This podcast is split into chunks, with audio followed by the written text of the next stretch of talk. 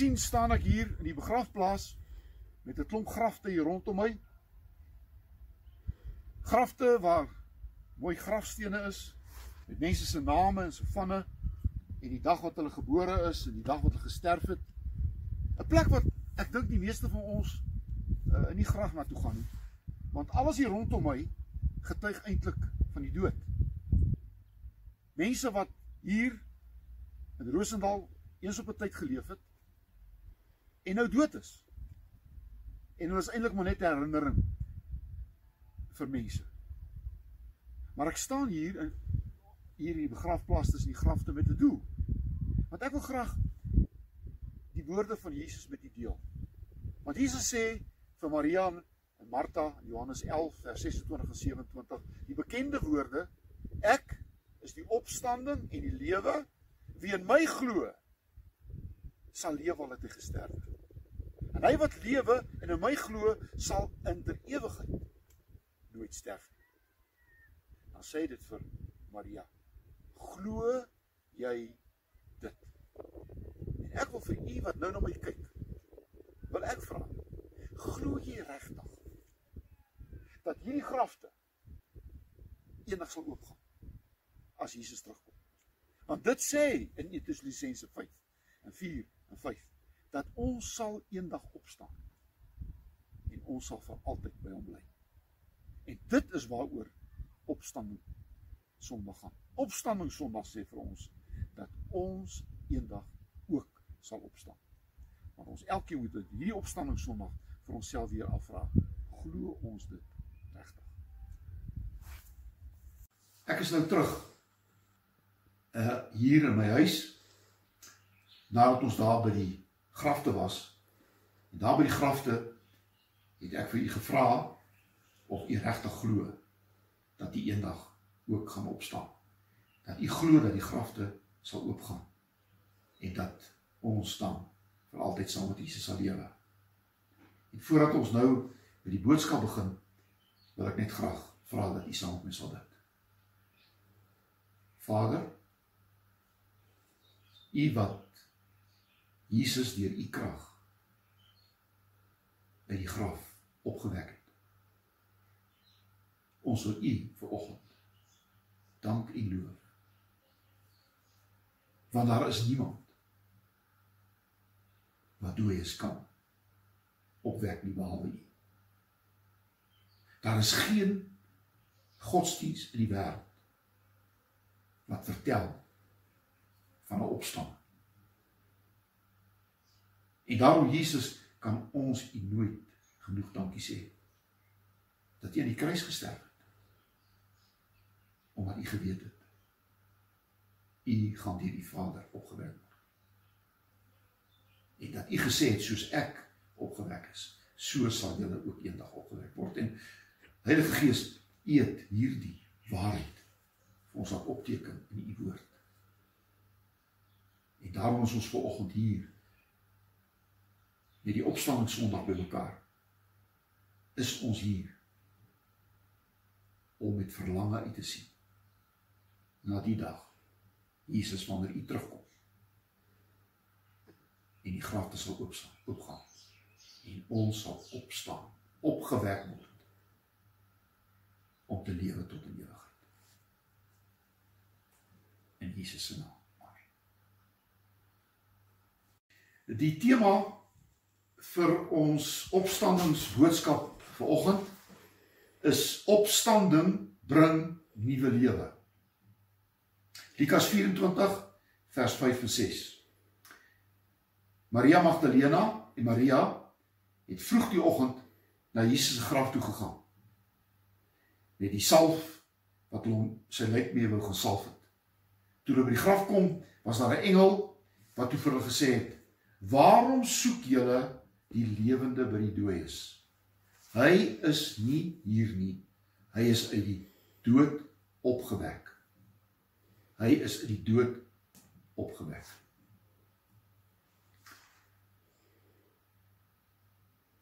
Niemand wil doodgaan nie. Want ons is gemaak om te lewe. En die dood is die einde van lewe. Kan ek dit harder sê? Dood kom steel lewe by jou. Jesus self wou nie doodgaan nie. Want in die tyd van Getsemane het hy geworstel. Daar staan hy doods benoud geword. Matteus 26 vers 36 tot 46 beskryf ons, beskryf vir ons hoe Jesus geworstel het. Hy het tot 3 maal toe gebid. Vader, laat hierdie beker by my verbygaan. Wat 'n beker? Hierdie beker van dood. Jesus wou ook nie dood gaan nie. En dan uiteindelik nadat Jesus letterlik bloed gesweet het, kom hy by hierdie oorgee waar hy sê nogtans nie my wil nie, maar u wil geskied.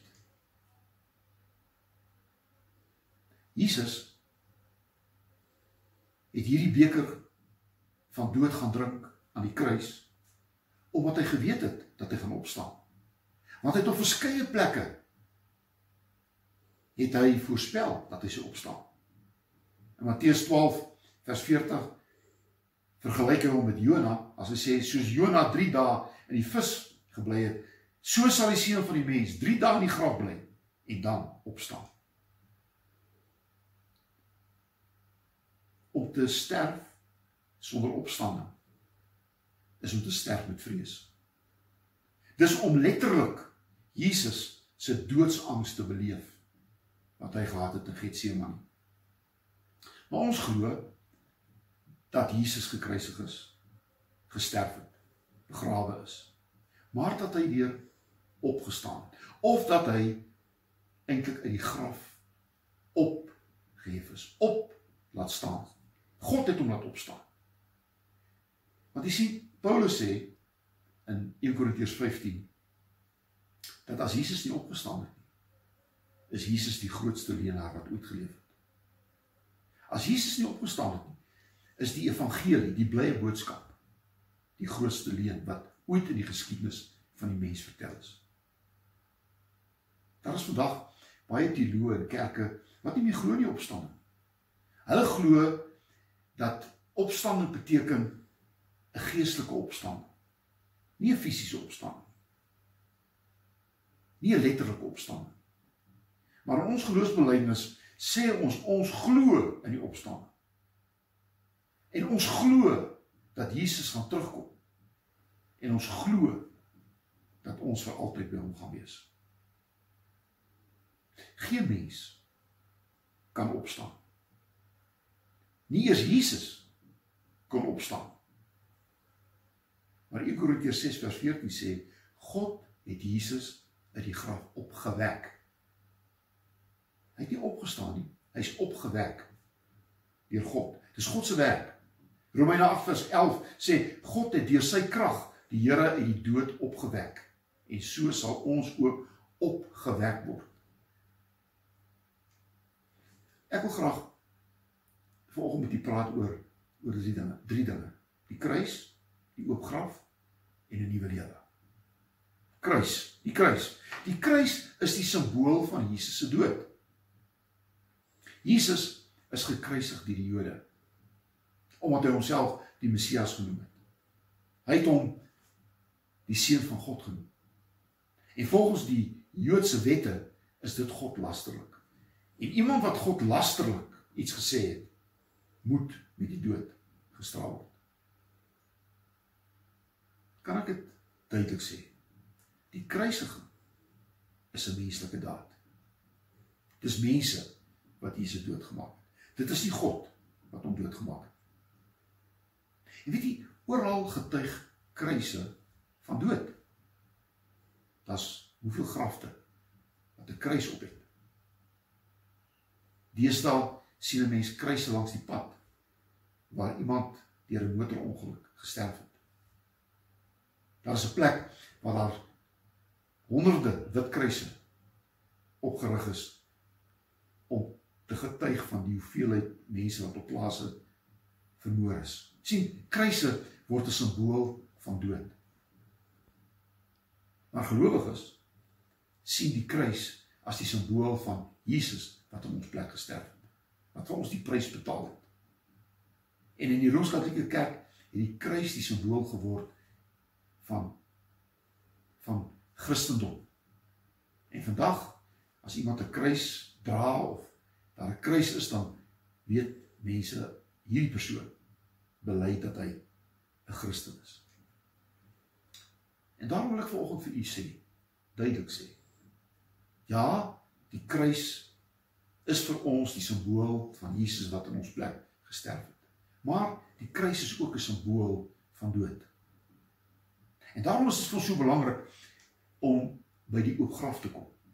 Want die oop graf is 'n simbool van lewe. Want jy sien, die oop graf is die werk van God.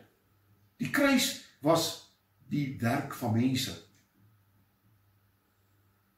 Maria Magdalena en Maria was die eerste mense wat by die oop graf uitgekom het. Matteus 28.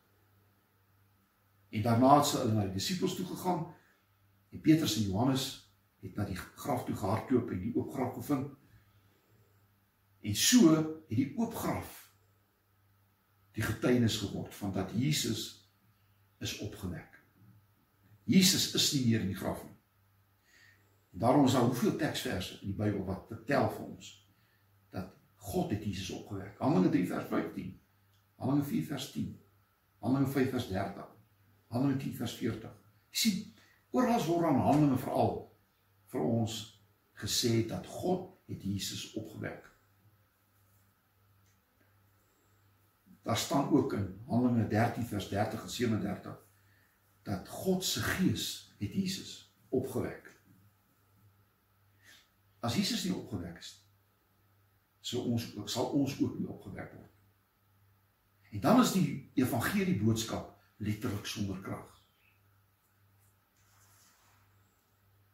Om saam met Jesus opgewek te word beteken om opgewek te word tot 'n nuwe lewe.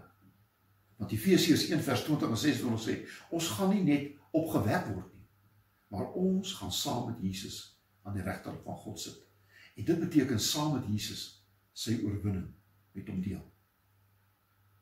Die oopgraf is die werk van God. Die oopgraf is vir ons die bewys, die sekerheid dat ons ook eendag gaan opstaan. En eendag as Jesus terugkom, staan daar in Efesiërs 6 en 4 dat die grafte sal oopgaan en die dooie sal opstaan om saam met Jesus vir altyd by hom te wees. Die laaste wil ek met die praat oor nuwe lewe. 1 Petrus 1 vers 3 sê vir ons God het ons die wedergeboorte geskenk tot 'n lewende hoop deur die opstanding van Jesus Christus uit die dode.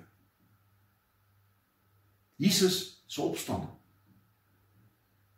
is ons wedergeboorte. Is ons nuwe lewe. Die nuwe lewe waarvan Paulus praat in 2 Korintiërs 5:17. As iemand in Christus is, as iemand aan Christus glo, dan sal hy 'n nuwe lewe hê. En die nuwe nuwe lewe beteken die ou ding is verby en die nuwe ding het gekom. Titus 3 vers 5 kom en sê vir ons wat wedergeboorte is. Hy het ons verlos, nie op grond van iets wat ons vir ons vryspraak gedoen het nie, maar op grond van sy ontferming. Dit het hy gedoen deur die wedergeboorte wat sonder af was en die Heilige Gees wat nuwe lewe gee. So wedergeboorte beteken twee goed. Dat ons sonde afgewas word en dit het Jesus vir ons gedoen aan die kruis.